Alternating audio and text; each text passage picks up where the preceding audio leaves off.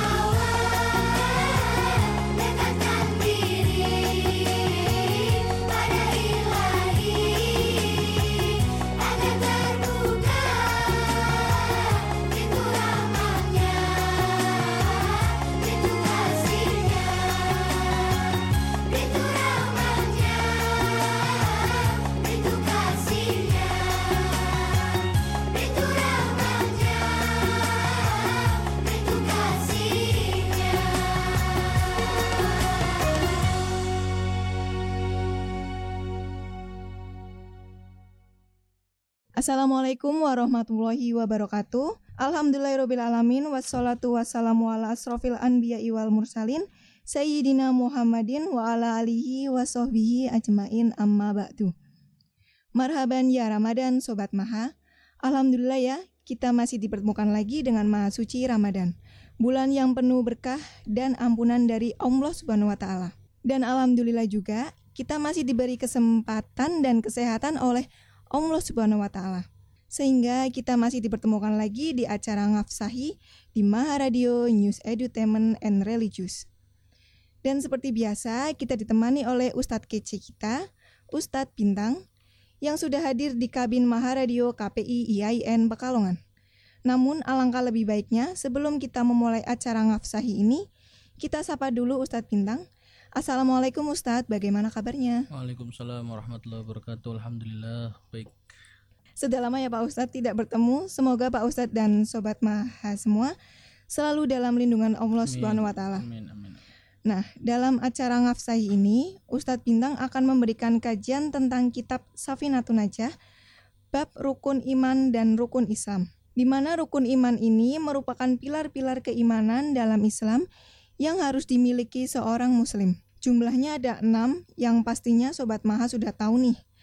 Nah, enam rukun iman ini didasarkan dari ayat-ayat Al-Quran dan hadis yang terdapat dalam kitab Sohih Bukhari dan Sohih Muslim yang diriwayatkan dari Umar bin Khattab. Sedangkan rukun Islam merupakan lima tindakan dasar dalam Islam dan dianggap sebagai pondasi wajib bagi orang-orang beriman dan merupakan dasar dari kehidupan muslim. Rukun Islam ini terdiri dari lima perkara, yaitu syahadat, sholat, zakat, puasa, dan haji. Nah, selengkapnya, bab rukun iman dan rukun Islam ini akan dikaji oleh Ustadz Bintang pada segmen kedua ini. Dan buat Sobat Maha yang mempunyai kitab Safinatun Najah juga bisa disimak bersama. Jangan lupa buat Sobat yang mau bergabung, langsung aja klik di www.maharadiokpi.radio12345.com. Dan buat Sobat Maha yang mau bertanya-tanya mengenai pokok bahasan pada episode kali ini, langsung aja bisa menghubungi kami melalui via WA, SMS, atau telepon pada segmen terakhir. Yang pastinya masih dalam nomor yang sama ya Sobat Mahat, tepatnya di 0821 3506 7697. Kami ulangi di 0821 350 67697. Kepada Guru Al Ustadz Bintang, kami persilakan untuk memaparkan kajiannya.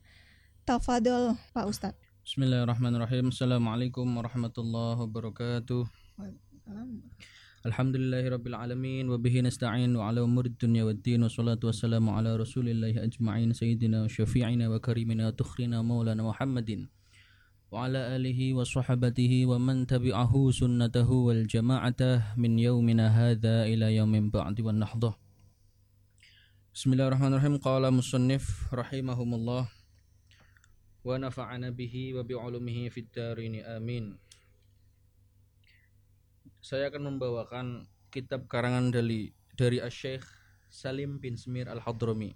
Fikih untuk pemula Safinatun Najah Qala ngendika sapa musannif? Ke musannif. Musannif itu adalah Syekh Salim sendiri pengarang kitab. Rahimahu mugi Allah memberikan rahmathu. Maring Syekh Salim wa nafa'ana bihi wa bi ulumihi fid dharain amin. Dan semoga ilmunya bermanfaat untuk kita semua fidar ini ing dalam dunia lan akhirat. Amin ya rabbal alamin. Tata krama membaca kitab kuning itu ditawasuli. Musonifnya atau pengarangnya itu ditawasuli. Tawasul itu artinya kita nyengget atau meminta rahmat meminta wasilah meminta pegangan karena kita akan membacakan kitab karangan beliau, karangan mereka.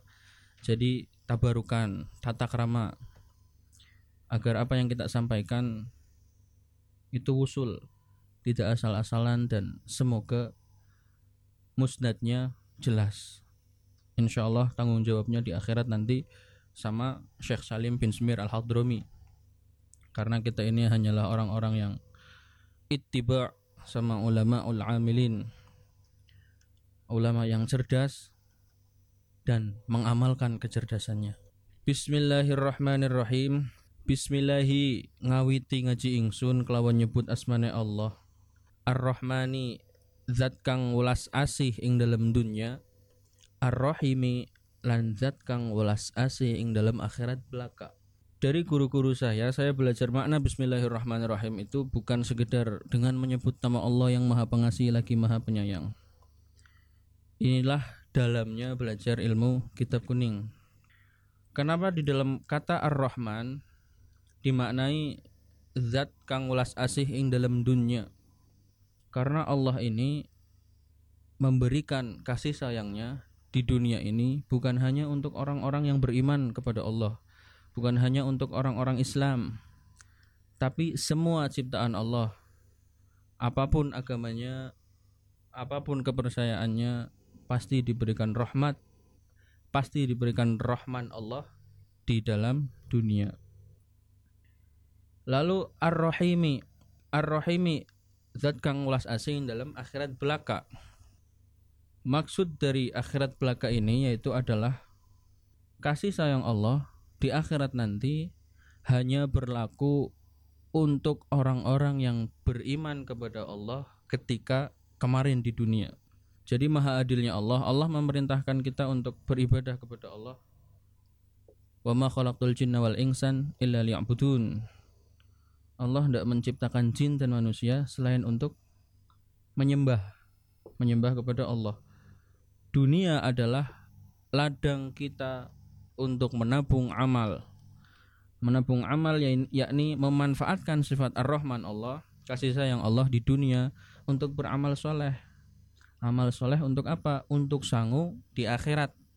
Untuk menggapai rohimnya Allah. yakni kasih sayang Allah hanya kepada mereka yang beriman kepada Allah ketika di dunia. Semoga kita adalah orang-orang yang setia menjalankan perintah Allah dan menjauhi larangan Allah sehingga di akhirat nanti kita mendapatkan rahimnya Allah. Amin Allahumma amin. Langsung saja muqaddimahnya. Alhamdulillahirabbil alamin wa bihi nasta'inu ala umurid dunya waddin. Wassalatu wassalamu ala sayyidina Muhammadin khatamin nabiyyin wa ala alihi wa sahbihi ajma'in ila akhirih. Alhamdu tawi sekabehane puji iku lillahi tetep kedua Allah Rabbil alamina kang mengerani alam kabeh Rabbil alamin ini artinya berkuasa atas segalanya. Jadi bukan hanya di dunia, bukan hanya di akhirat, tapi apa-apa yang akan terjadi di dunia setelah di dunia dan apa-apa yang akan terjadi, di akhirat, baik dunia akhirat maupun bainat dunia wal akhirah. Allah berkuasa. Hal-hal yang tidak kita ketahui Allah berkuasa. Wabihi lan kelawan Allah nasta'inu. Nyuwun pitutur ingsun ala umurid dunya kelawan piro-piro perkara dunia wadin lan piro-piro perkara agama. Di sini Ki Musonif meminta pertolongan Allah untuk segala urusan-urusan di dunia dan di agama karena kita ini hanyalah hamba yang lemah. Secerdas apa pun kita harus butuh harus butuh kepada Allah. Harus rendah hati kepada Allah. Ta'zim, nurut ta'zim marang Gusti Allah. Wa sallallahu ala sayyidina Muhammadin wa lan paring rahmat ta'zim. Sapa Allahu Allah ala sayyidina maring bendorone kita. Rupane Kanjeng Nabi Muhammadin. Kanjeng Nabi Muhammad. Khatamin nabiyyin kang dadi pungkasane para nabi. Ki mengucapkan salam harapan untuk raja kita baginda kita Kanjeng Nabi Muhammad sallallahu alaihi wasallam. Khatamin nabiyyin penutup para nabi. Yang nanti di akhirat nanti beliaulah satu-satunya orang yang akan diharapkan syafaatul uzmanya kelak di yaumil mizan.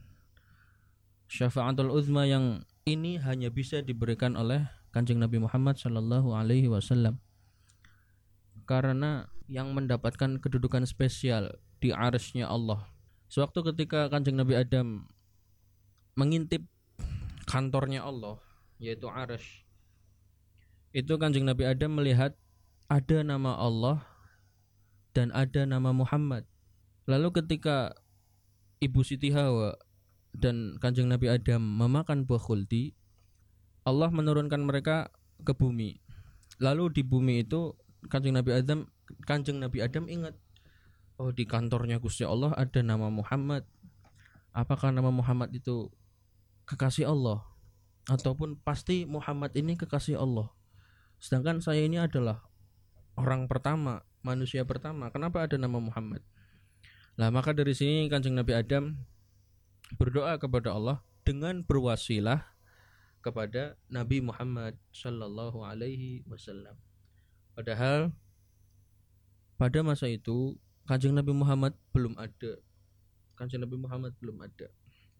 Maka seperti dahulu guru-guru saya itu adanya dunia ini bukan berawal dari Kanjeng Nabi Adam, tapi karena adanya Nur Muhammad, cahaya Kanjeng Nabi Muhammad. Jadi cahaya Muhammad itu ibaratnya cahaya Allah. Maka banyak sufi-sufi yang kalau berbicara di kalangan awam itu berbahaya. Seperti anallah la ilaha illa ana saya adalah Allah tidak ada Tuhan selain saya. Itu jika ditinjau dari kacamata sufi tasawuf tidak salah. Karena dia ini sudah majdzub mentog sudah nyampe ke hakikat. Hakikatnya dia adalah Nur Muhammad. Nur Muhammad adalah Allah. Jadi tidak salah jika ada sufi berbicara seperti itu. Cuman jika ditaruh di lingkungan kita yang seperti ini maka itu dinyatakan salah. Oke. Wa alihi. Lan maring keluargane Kanjeng Nabi Muhammad. Wa sahbihi. Lan maring sahabate Kanjeng Nabi Muhammad. Ajma'ina hale sekabehane.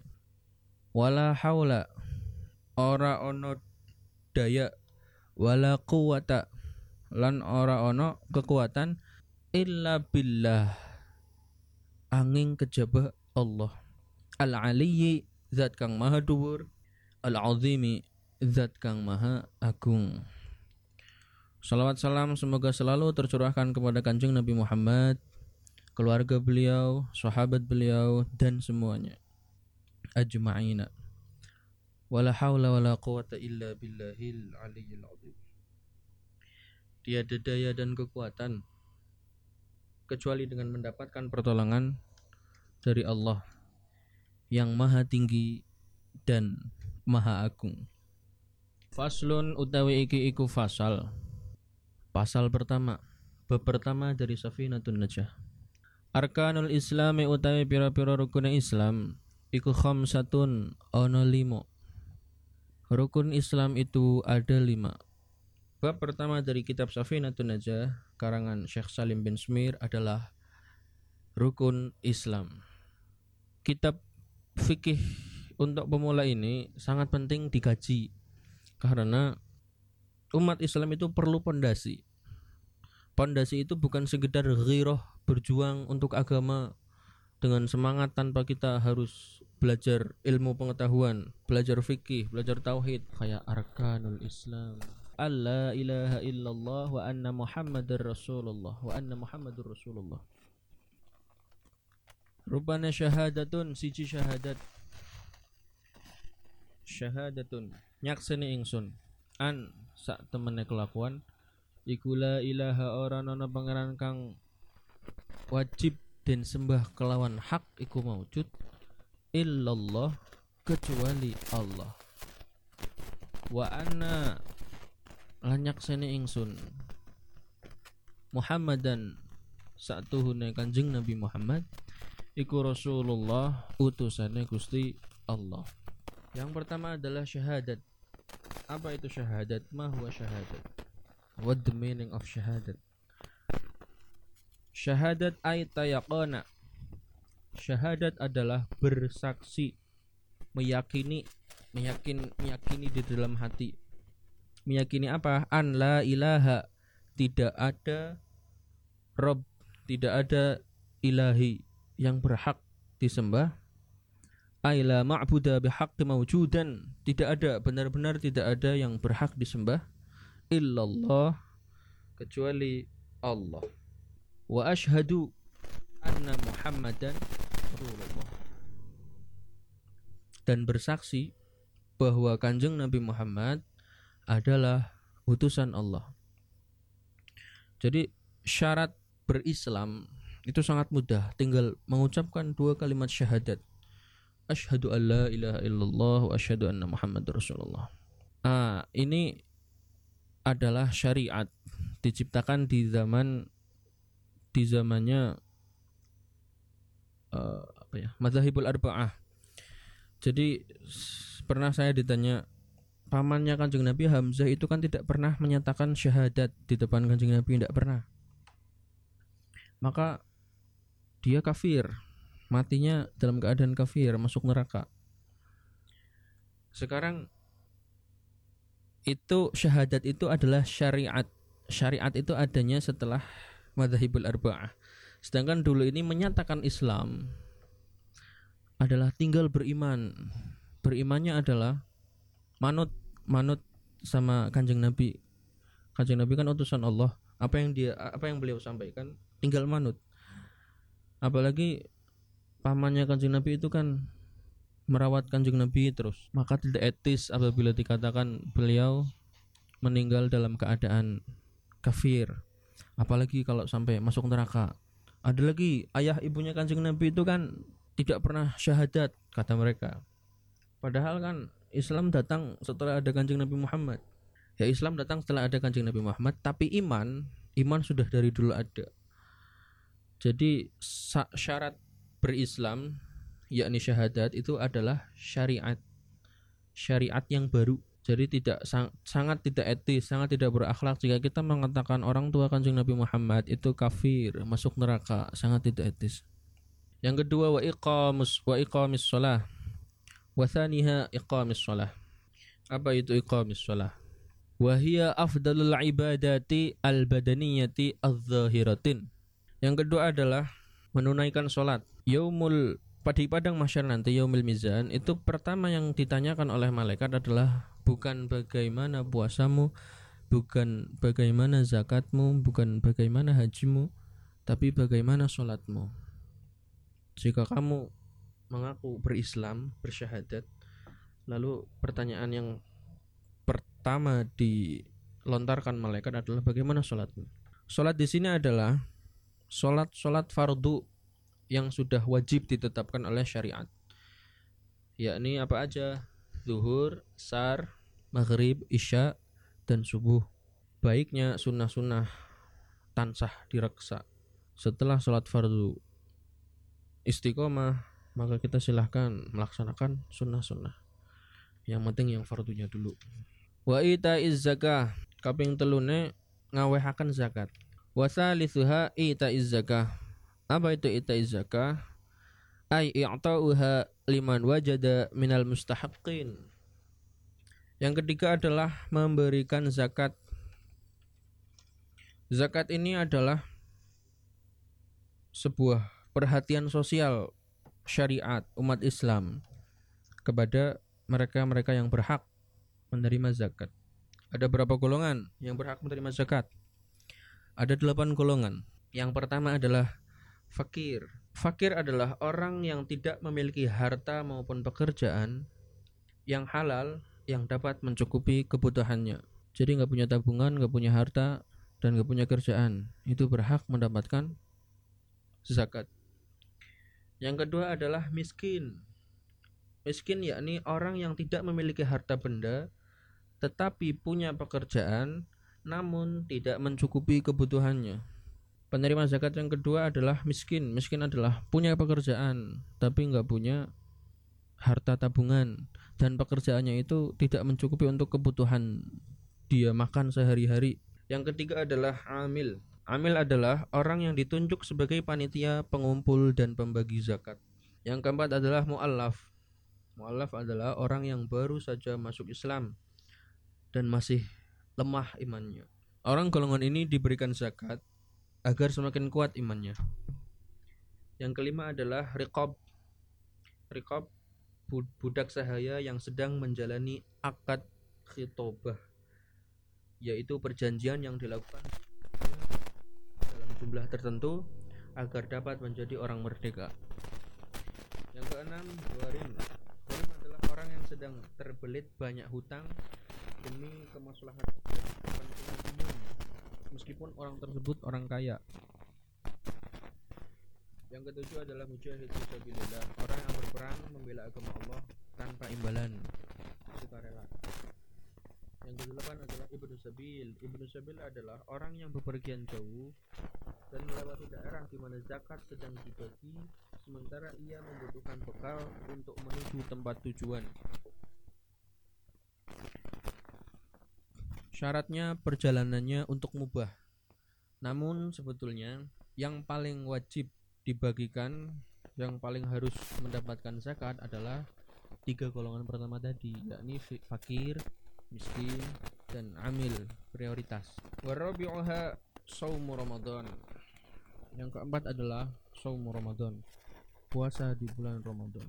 Puasa di bulan Ramadan adalah wa farada fi sya'bana min as-sanati tsaniyati min al-hijrati fa shamu sallallahu alaihi wasallam tis'a ramadanatin. Selanjutnya rukun Islam selanjutnya adalah puasa di bulan Ramadan. Puasa di bulan Ramadan adalah wajib termasuk bagian dari rukun Islam wajib. Dan selama Rasulullah hidup, sejak diperintahkannya puasa di bulan Ramadan, baru pertama kali Rasulullah puasa selama 30 hari. Selainnya adalah 29 hari. Pertanda satu Ramadan yakni dengan munculnya hilal lalu diakhiri dengan satu Syawal didasarkan pada ru'yat satu Ramadan dan satu Syawal. Namun puasa Ramadan ini tidak wajib bagi yang bagi wanita haid, nifas ataupun orang yang sedang sakit, menyusui dan karena ketuaan terlalu sepuh yang apabila kita melakukan puasa maka akan semakin parah sakitnya atau mendapatkan mudarat yang lebih berbahaya. Darul mafasid muqaddamun ala jalbil masalih. Wa hajjul baiti man istata'a ilaihi sabila. Yang kelima adalah wa khamisuha hajjul baiti ay qasadahu lil haji awil imrati man istata'a ilaihi sabila. Yang terakhir adalah haji di Baitullah. Ke Baitullah rumah Allah. Haji hanya hanya ditujukan kepada umat Islam yang mampu. Mampu di sini memiliki arti mampu memiliki bekal perjalanan berangkat dan mampu memiliki bekal perjalanan pulang. Selanjutnya rukun iman. Faslun arkanul imani utawi piro-piro rukun iman. Iku sittatun ana 6 rupane antuk minabillah siji iman kepada Allah. Apa itu iman? Percaya percaya kepada Allah. Yang kedua wa malaikatihi lan ngimani malaikat malaikatnya Allah. Yang ketiga adalah wa kutubihi beriman kepada kitab-kitab Allah. Wa rasulihi kaping papate iman maring utusan-utusannya Allah. Wal yaumil akhiran ngimani maring dina akhir. Wal qadari lan ngimani qadar khairihi bagusnya qadar syarrihi lan alane qadar rukun iman yang pertama adalah iman kepada Allah subhanahu wa ta'ala percaya dengan kekuatan Allah adanya yang kedua adalah iman kepada malaikat-malaikat Allah wa thaniha antuk mina bi malaikatihi bi an ta'taqida annahum ajsamu nuraniyatun latifatun Iman kepada malaikat-malaikat Allah. Ke yang pertama dulu, iman kepada Allah artinya kita harus percaya dengan sifat-sifat Allah juga. Sifat-sifat Allah yang wajib. Kita ada 20. Yang pertama wujudun, qadimun, dahulu, waqaun, kekal. Mukhalafatu lil khawadith, berbeda dengan makhluk. Qiyamuhu binafsih, berdiri sendiri, wahdaniyah, esa. Irodah berkehendak ilmun mengetahui hayatun hidup. Samaun mendengar. Basorun melihat. Kalamun berfirman. Qadiran maha kuasa muridan maha berkehendak aliman maha mengetahui hayyan maha hidup sami'an maha mendengar. Basiran maha melihat. Mutakalliman maha berfirman. Itu adalah 20 sifat Allah yang wajib kita imani. Bahwasanya Allah itu kekal berbeda dengan makhluk. Maha mendengar maha melihat maha mengetahui. Lalu selanjutnya ada 20 sifat mustahil Allah yang tidak mungkin ada pada Allah. Yang ketiga adalah sifat jais Allah. Bebas melakukan apa pun kehendak Allah yakni fi'lu kulli mumkinin aw tarkuhu selanjutnya wa malaikatihi beriman kepada malaikat-malaikat Allah bi anna ta'taqida annahum ajsamu nuraniyatun latifatun. Malaikat Allah ini jumlahnya hanya Allah yang tahu, namun yang wajib kita ketahui hanya 10. Yakni malaikat Jibril bertugas sebagai penyampai wahyu, malaikat Mikail bertugas sebagai pembagi rezeki, malaikat Israfil bertugas menutup eh trompet, meniup trompet nanti di yaumil akhir. Lalu Israel pencabut nyawa, Mungkar Nakir penanya di alam kubur, Raqib Atid pencatat amal baik dan buruk, Malik penjaga neraka dan malaikat Ridwan penjaga surga. Lalu selanjutnya Wasalisuha antuk mina bi kutubihi Ma'nal imani bil kutubi tasdiqi bi annaha kalam Allah al-manzil al-manzili ala rasulihi alaihi mussalawatu wassalam Iman kepada kitab-kitab Allah yakni kitab-kitab yang diturunkan kepada rasul-rasul Allah Kitab yang pernah Allah turunkan itu ada empat Yang pertama kitab Zabur diturunkan kepada Nabi Daud alaihi salam yang kedua adalah kitab Taurat diturunkan kepada Nabi Musa alaihi salam. Yang keempat adalah kitab Injil diturunkan kepada Nabi Isa alaihi salam. Yang terakhir adalah kitab Al-Qur'an diturunkan kepada Nabi Muhammad Yang berlaku hingga nanti sampai kiamat nanti. Selanjutnya adalah beriman kepada rasul-rasul Allah. Wa mina antuk mina bi rasulih wahum afdala ibadallah ila akhirih. Mereka adalah hamba-hamba Allah, beriman kepada Rasul Allah. Apa itu bedanya Rasul dan Nabi? Nabi adalah manusia biasa yang diutus oleh Allah, mendapatkan wahyu oleh Allah, namun tidak diperintahkan untuk disampaikan kepada umatnya. Sedangkan Rasul adalah manusia manusia biasa yang diberikan mukjizat dan wahyu oleh Allah dan diperintahkan untuk menyampaikan kepada umatnya. Nabi pun hanya Allah yang tahu jumlahnya, jumlah pastinya. Karena banyak juga perkiraan-perkiraan di kitab-kitab kuning berapa jumlah nabi, berapa jumlah rasul.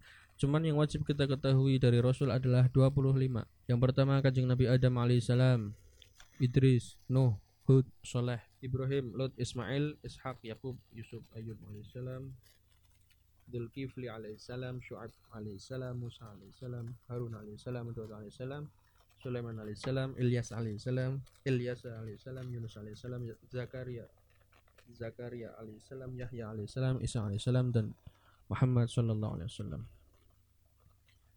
Muhammad ini kanjeng Nabi Muhammad ini bernasab mulia, nyambungnya itu nyampai Nabi Ismail dan Nabi Ibrahim. Muhammad bin Abdullah bin Abdul Muttalib bin Hashim bin Abdul Manaf bin Qusay bin Kilab bin Murrah bin Ka'ab bin Lu'ay bin Ghalib bin Fihir bin Malik bin Naldar bin Kinanah bin Khuzaimah bin Mudrikah bin Ilyas.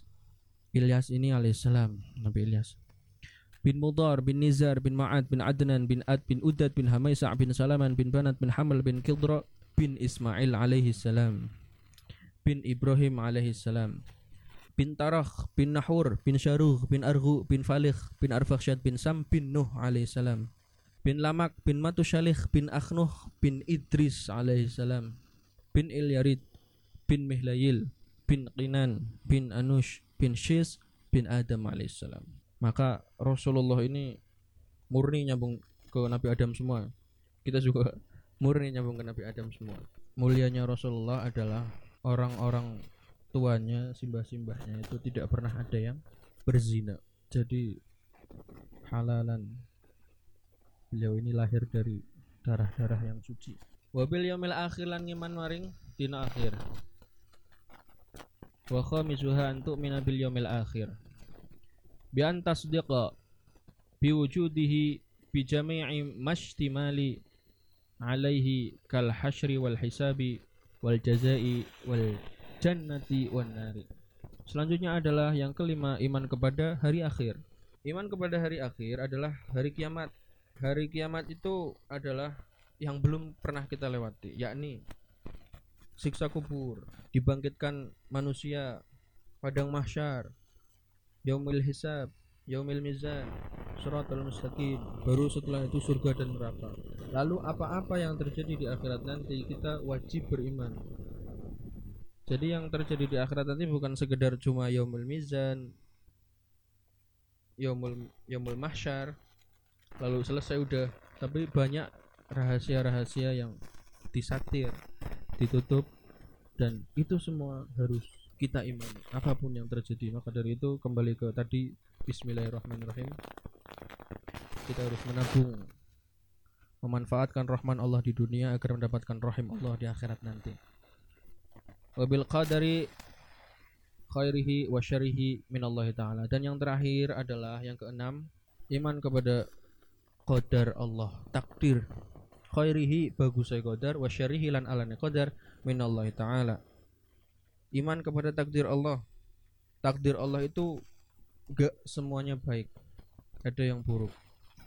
Buruk itu bukan berarti Allah menginginkan kita buruk tapi kita mengaku beriman kepada Allah tidak mungkin Allah akan ngejor ke pastinya kita akan diberikan cobaan tantangan. Kita berkata asyhadu alla ilaha illallah. Saya bersaksi tidak ada Tuhan selain Allah. Wa asyhadu anna Muhammad Rasulullah. Dan saya bersaksi adalah bahwa kanjeng Nabi Muhammad adalah utusan Allah. Lalu jor kalian bisa hidup tenang bisa hidup enak. Ndak. Allah akan memberikan kodar takdir cobaan baik itu nikmat maupun teguran jika kita orang yang beriman itu bukan siksa tapi adalah teguran.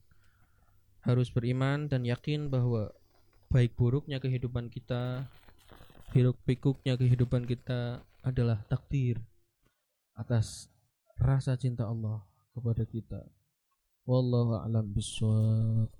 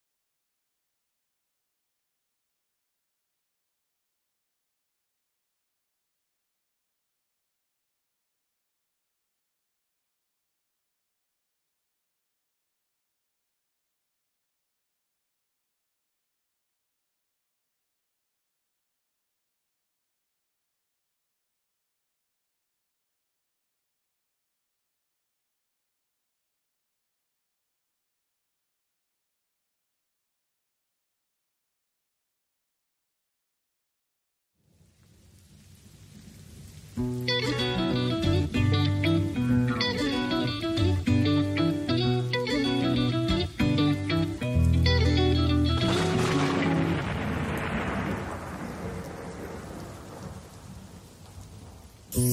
البرق اليماني عن حبيب قد سباني فتذكرت اجتماعا فشجاني ما شجاني. لمع البرق اليماني عن حبيب قد سباني فتذكرت اجتماعا فشجاني ما شجاني.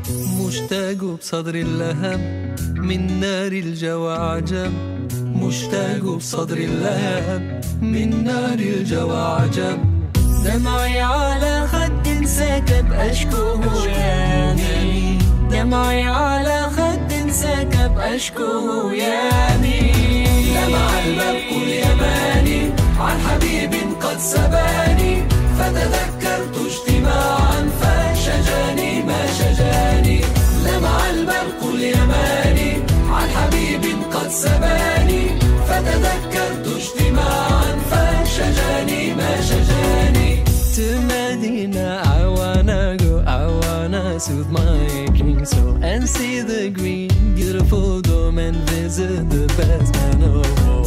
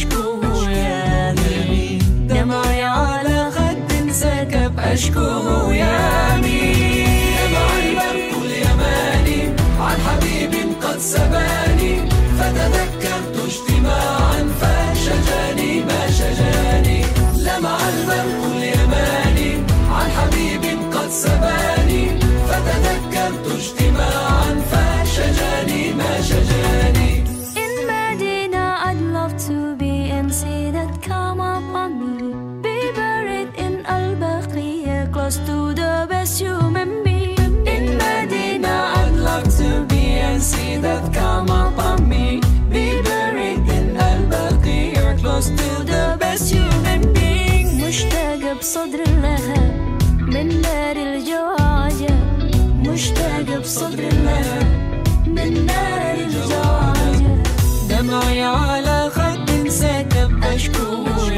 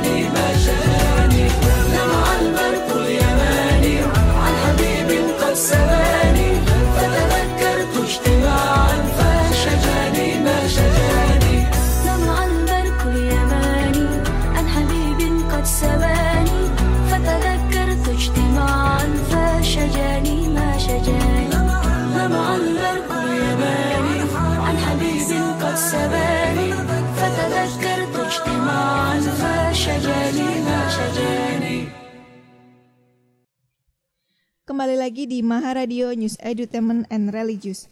Masih di acara Ngafsahi bersama Ustadz Bintang dengan kajian kitab Safinatun Najah. Alhamdulillah sekarang sudah memasuki sesi tanya jawab. Dan saya ingatkan lagi buat Sobat Maha yang mau bertanya kepada beliau bisa melalui via WA, SMS, dan layanan telepon di nomor yang sama 0821 3506 7697. Kami ulangi ya di 0821 3506 7697. Baik Pak Ustadz, ternyata sudah banyak sekali yang bertanya dari berbagai sudut kota Pekalongan nih. Pertanyaan pertama dari via WA nih Pak. Assalamualaikum warahmatullahi wabarakatuh. Nama saya Amila dari Pekalongan, Panjang. Saya ingin bertanya Pak, bagaimana sih hukumnya bagi orang yang ingin melaksanakan ibadah haji namun belum cukup mampu atau yang dimampu-mampukan. Ya, Waalaikumsalam warahmatullahi wabarakatuh.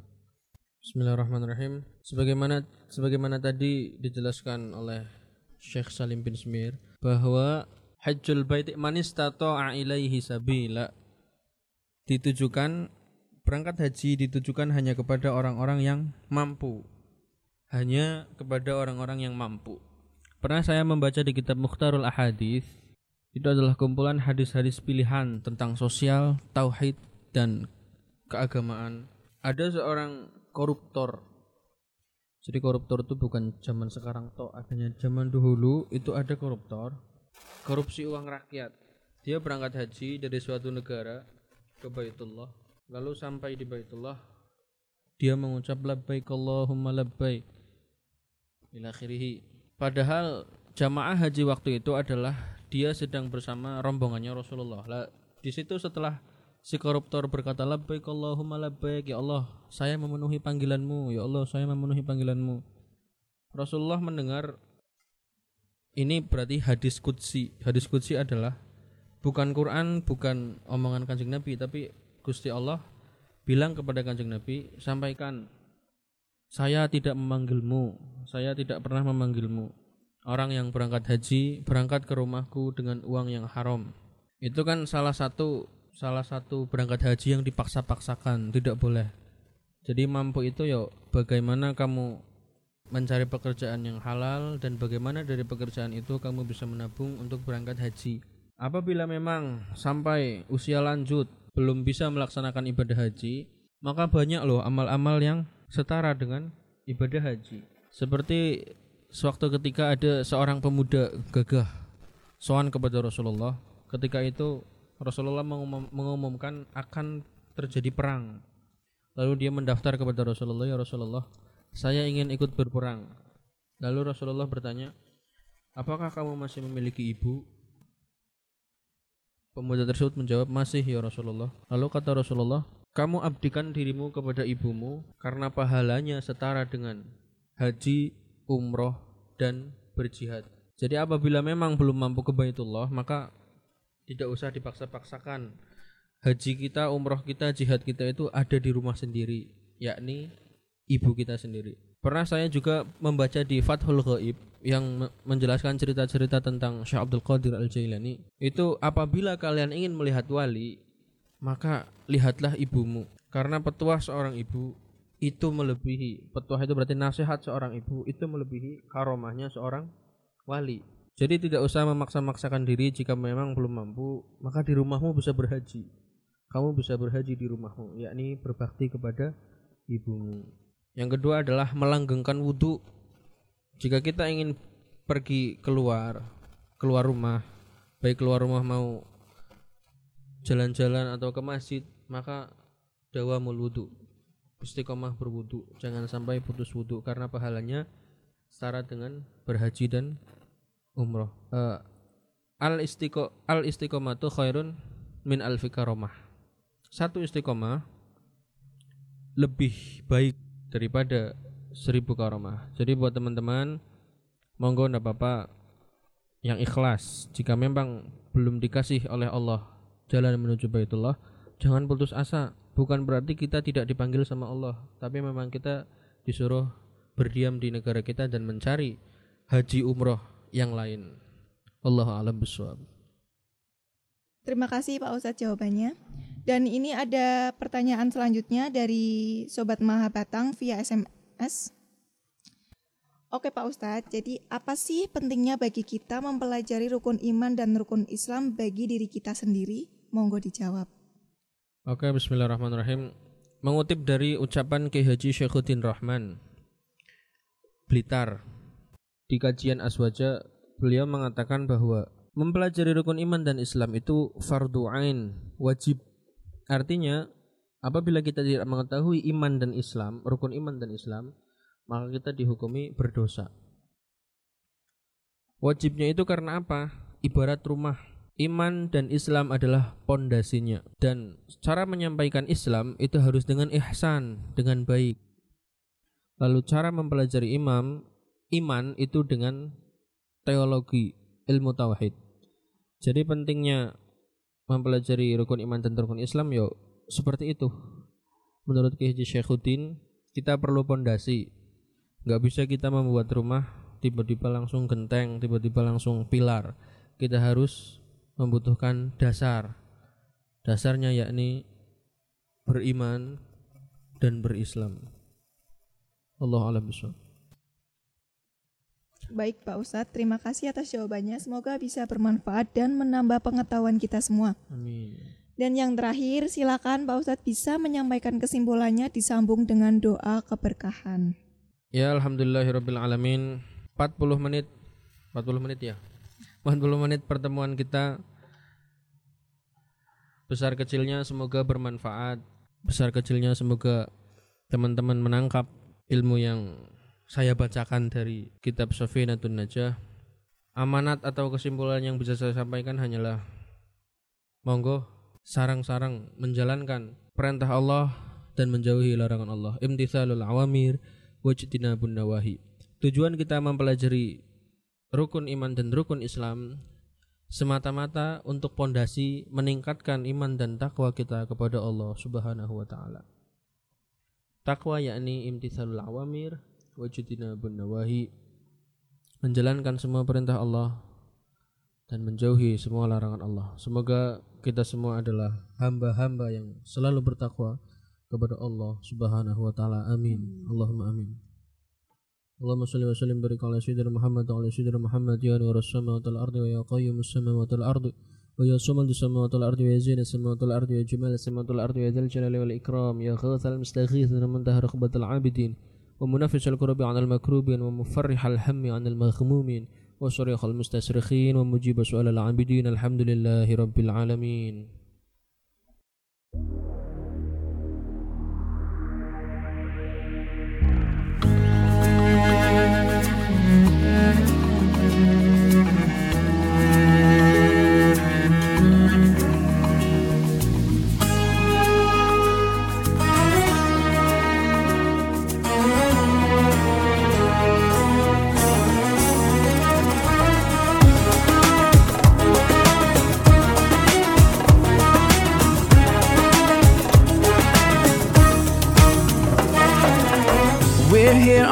This special day. Our hearts are full of pleasure.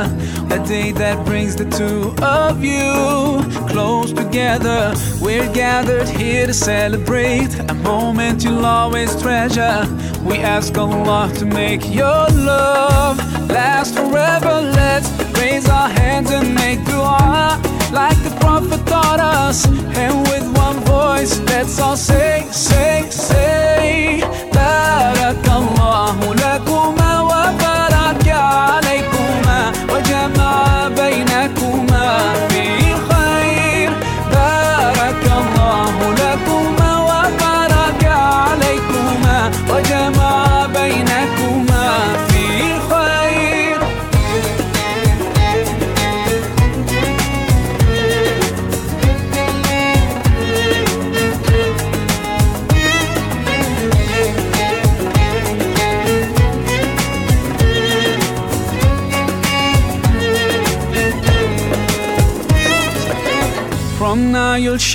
All your joys through hardships, support each other.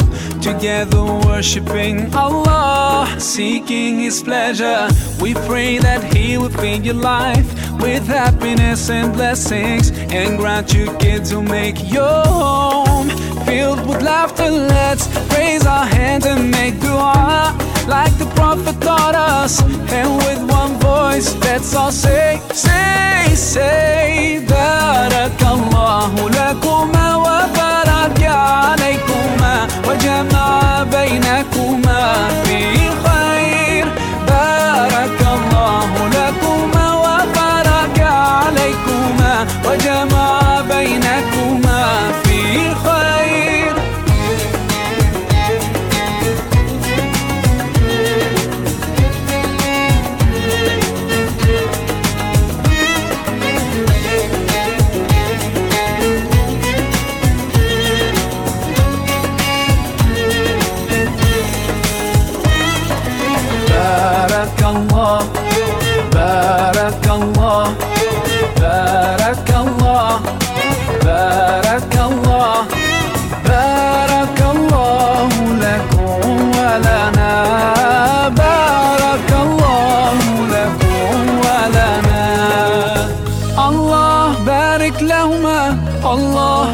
حبهما الله صل وسلم على رسول الله.